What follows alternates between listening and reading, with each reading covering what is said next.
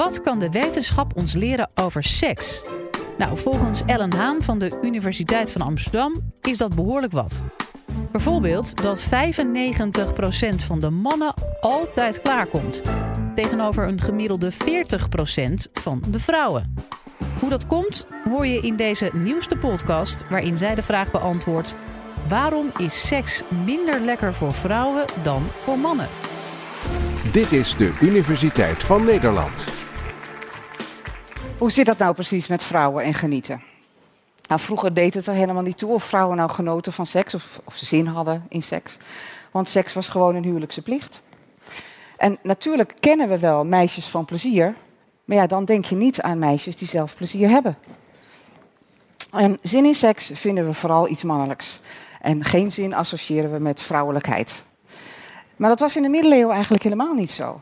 Uh, toen werd het gezien als typisch vrouwelijk.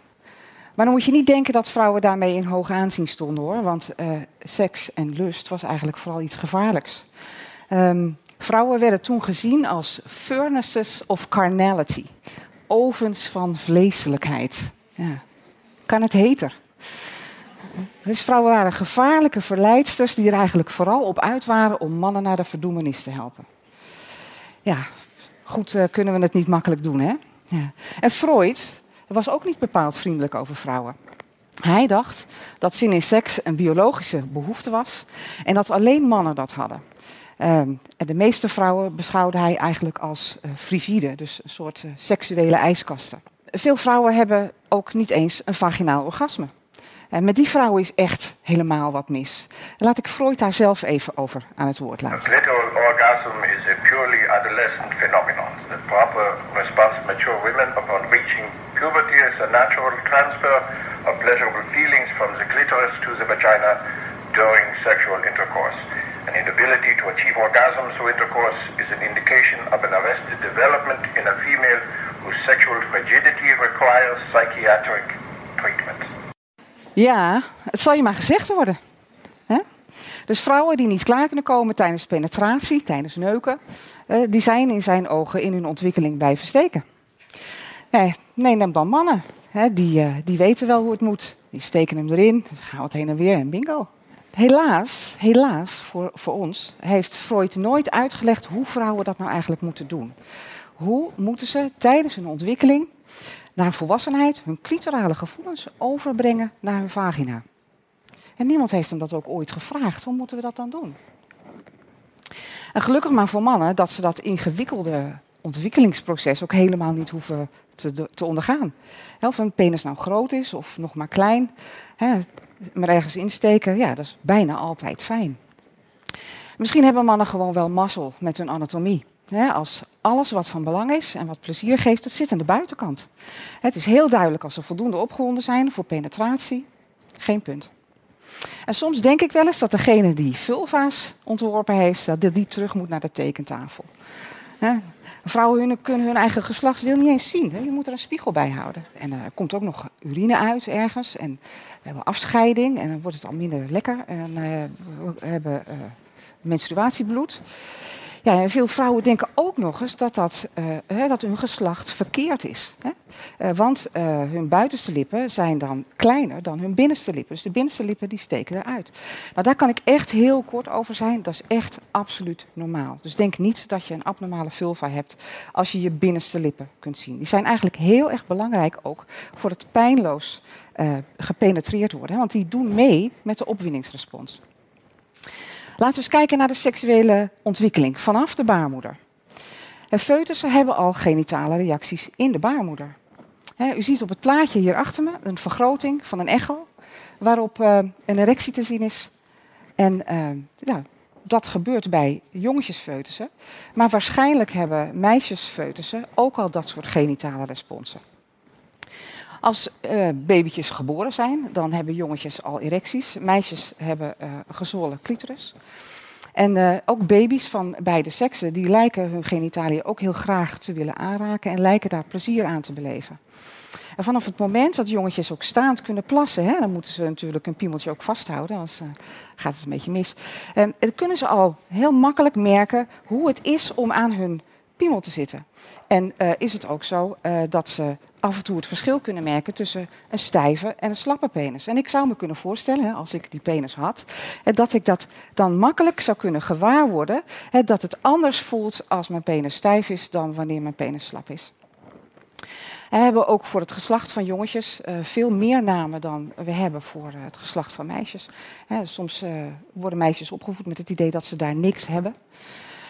En ook tegen de tijd dat jongetjes, met meisjes, jongens met meiden gaan vrijen, dan weten jongens vaak al precies wat ze lekker vinden. Soms misschien ook wel geholpen door wat ze zien aan porno. Um, dus doordat, doordat, het geslacht van jongens aan de buitenkant zit, hebben jongens ook een veel grotere kans dan meisjes om stapsgewijs te leren wat lekker is. Wat zeggen mannen en vrouwen eigenlijk zelf over, hun, uh, over genieten van seks? Nou, daar is gelukkig ook representatief Nederlands onderzoek naar gedaan. En uit dat onderzoek blijkt uh, dat 40% van de mannen um, altijd geniet van seks, tegenover maar 25% van de vrouwen. Dus om dit verschil te kunnen verklaren, het verschil tussen mannen en vrouwen, zou je volgens mij moeten kijken naar hoe vaak mensen klaarkomen tijdens het vrije. Want je geniet immers van iets dat lekkers is, nietwaar? En orgasmes worden toch over het algemeen gezien als iets lekkers. En voor veel mensen zijn orgasmes zelfs het doel van seks. Ook neurobiologisch ligt dat voor de hand. Als je een orgasme beleeft, dan wordt het pleziercentrum in je brein gestimuleerd. En dan uh, komt er bijvoorbeeld ook dopamine vrij. En zo leert je brein dat seks plezierig is. Dus leren wat, uh, wat lekker is, is onder andere een resultaat van wat je zoal leert. De ervaringen die je opdoet in je leven. Er blijkt steun te zijn voor het idee dat seksuele beloningen, zo noem ik orgasmes ook wel eens, seksuele beloningen, tijdens partnerseks, dat die inderdaad ongelijk verdeeld zijn. Um, uit studies blijkt dat zo'n 95% van de mannen altijd klaarkomen tijdens seks met een partner. En voor vrouwen is dat maar 30 tot 50 procent. En dat hangt een beetje af van ja, het soort stimulatie dat er voorhanden is. Uh, in een van onze eigen studies uh, bleek dat het inderdaad voor vrouwen uitmaakt hoe ze seksueel gestimuleerd worden. Als de clitoris wordt gestimuleerd, dan komt zo'n 70% van de vrouwen klaar. Uh, maar bij vaginale penetratie is dat maar zo'n 25%. Dus het lijkt erop dat penetratie voor vrouwen inderdaad voor vrouwen minder belonend is. En dan is het uh, toch eigenlijk wel pech hebben voor vrouwen, hè, dat we echte seks toch uh, vooral penetratie uh, vinden. Echte seks is neuken. Hoe zit het nou met lesbische vrouwen? Laten we eens kijken hoe het met hun orgasticiteit is, met hun genieten. Nou, dan blijkt dat zo'n 80% van lesbische vrouwen altijd klaarkomt tijdens partnerseks. Dus het ligt kennelijk niet aan de biologie van vrouwen, hè, want heteroseksuele vrouwen en lesbische vrouwen hebben dezelfde genitale anatomie.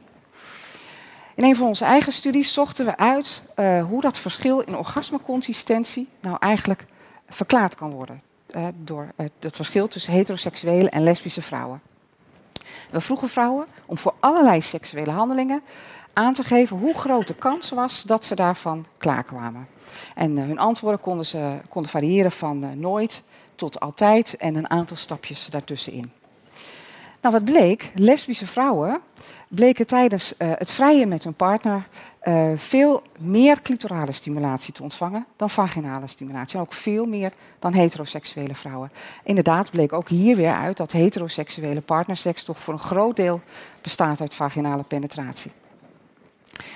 Uh, opvallend detail was trouwens dat hoewel lesbische vrouwen minder vaginale stimulatie kregen van hun vrouwelijke partner, dat ze daar wel vaker van klaarkwamen. En misschien is stimulatie door een vinger wel lekkerder dan stimulatie door een penis. Moeten we nu, à la Freud, concluderen dat 70% van de vrouwen eigenlijk psychologisch onvolwassen zijn? Of seksuele ijskasten zijn? Nou, de waarheid is eigenlijk dat Freud helemaal niks begreep van de genitale anatomie van vrouwen. Uh, de clitoris is namelijk een veel groter orgaan dan alleen dat kleine knopje aan de buitenkant, dat we eigenlijk allemaal clitoris noemen. En het bevat twee armen en twee zwellichamen, die als u opgewonden wordt uh, zich vullen met bloed. En net als bij de penis, het mechanisme is identiek. En uh, de armen van die, van die clitoris en, en de zwellichamen van de clitoris, die buigen zich echt om de plasbuis en de vagina heen. Om de plasbuis er zit erectiel weefsel, dat ook nog eens opzwelt bij opwinning. En dat wat mensen de G-plek noemen, dat is eigenlijk geen apart orgaantje, wat heel veel mensen denken. Maar dat is eigenlijk de achterkant van de clitoris. Als de clitoris en het zwelweefsel rond uh, de plasbuis gezwollen zijn geraakt door opwinding, dan kan je dat voelen aan een kleine verdikking aan de voorwand van de vagina. Je kunt dat het beste voelen met je vinger. Als je vinger zou inbrengen en je wijst een beetje naar de, naar de voorwand, en dan kun je ongeveer drie centimeter voorbij de ingang, dan voel je daar die verdikking en uh, ja, dat noemen mensen de G-spot. En je kunt dat eigenlijk het beste stimuleren met de vinger of twee. Uh, je eigen vingers of die van je partner. Ja, en wat je dan eigenlijk moet doen, is een ja, richting de, de vagina voorwand een kom hier beweging maken. En um, ja, dat kan een penis misschien toch minder goed dan een vinger. Tenminste, ik heb een penis nog nooit een kom hier beweging zien maken. Goed. Dus dat, dat kleine orgaantje hè, dat iedereen uh, clitoris noemt, dat is eigenlijk slechts het topje van de vulkaan. Het hele orgaan is embryologisch identiek aan de penis. En dan moet je weten dat dat eikeltje, het knopje, van de clitoris zo'n 8000 zenuwuiteinden heeft. Is zelfs dubbel zoveel als de eikel van de penis. Dus dat is een enorm gevoelig orgaantje. En de vaginawand daarentegen, dat is helemaal niet zo'n gevoelig orgaan. En dat moet je niet jammer vinden, dat is eigenlijk wel heel erg goed geregeld.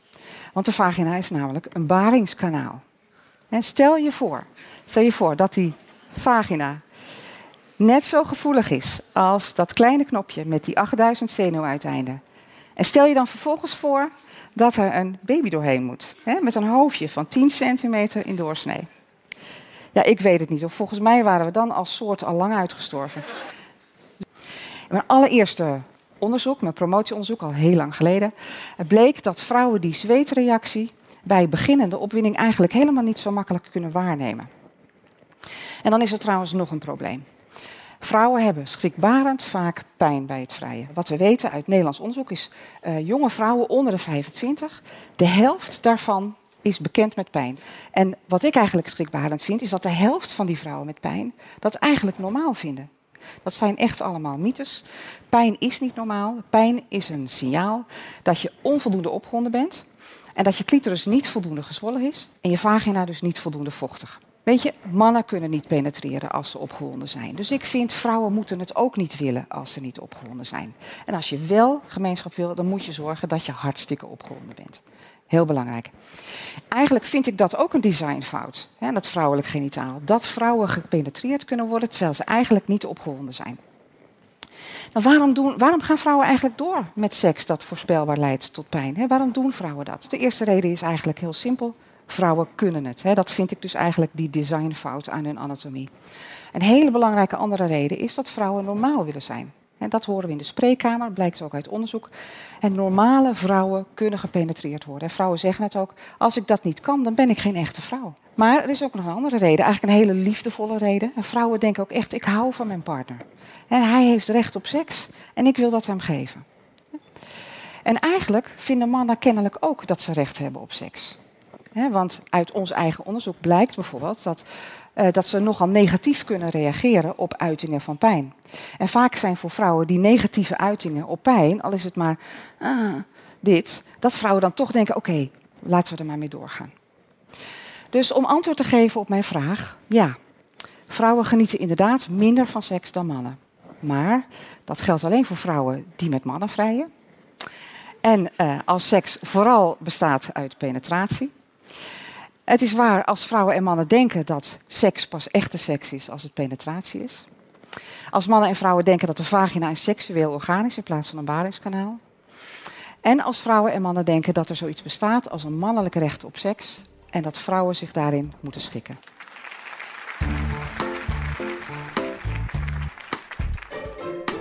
Dit was de Universiteit van Nederland.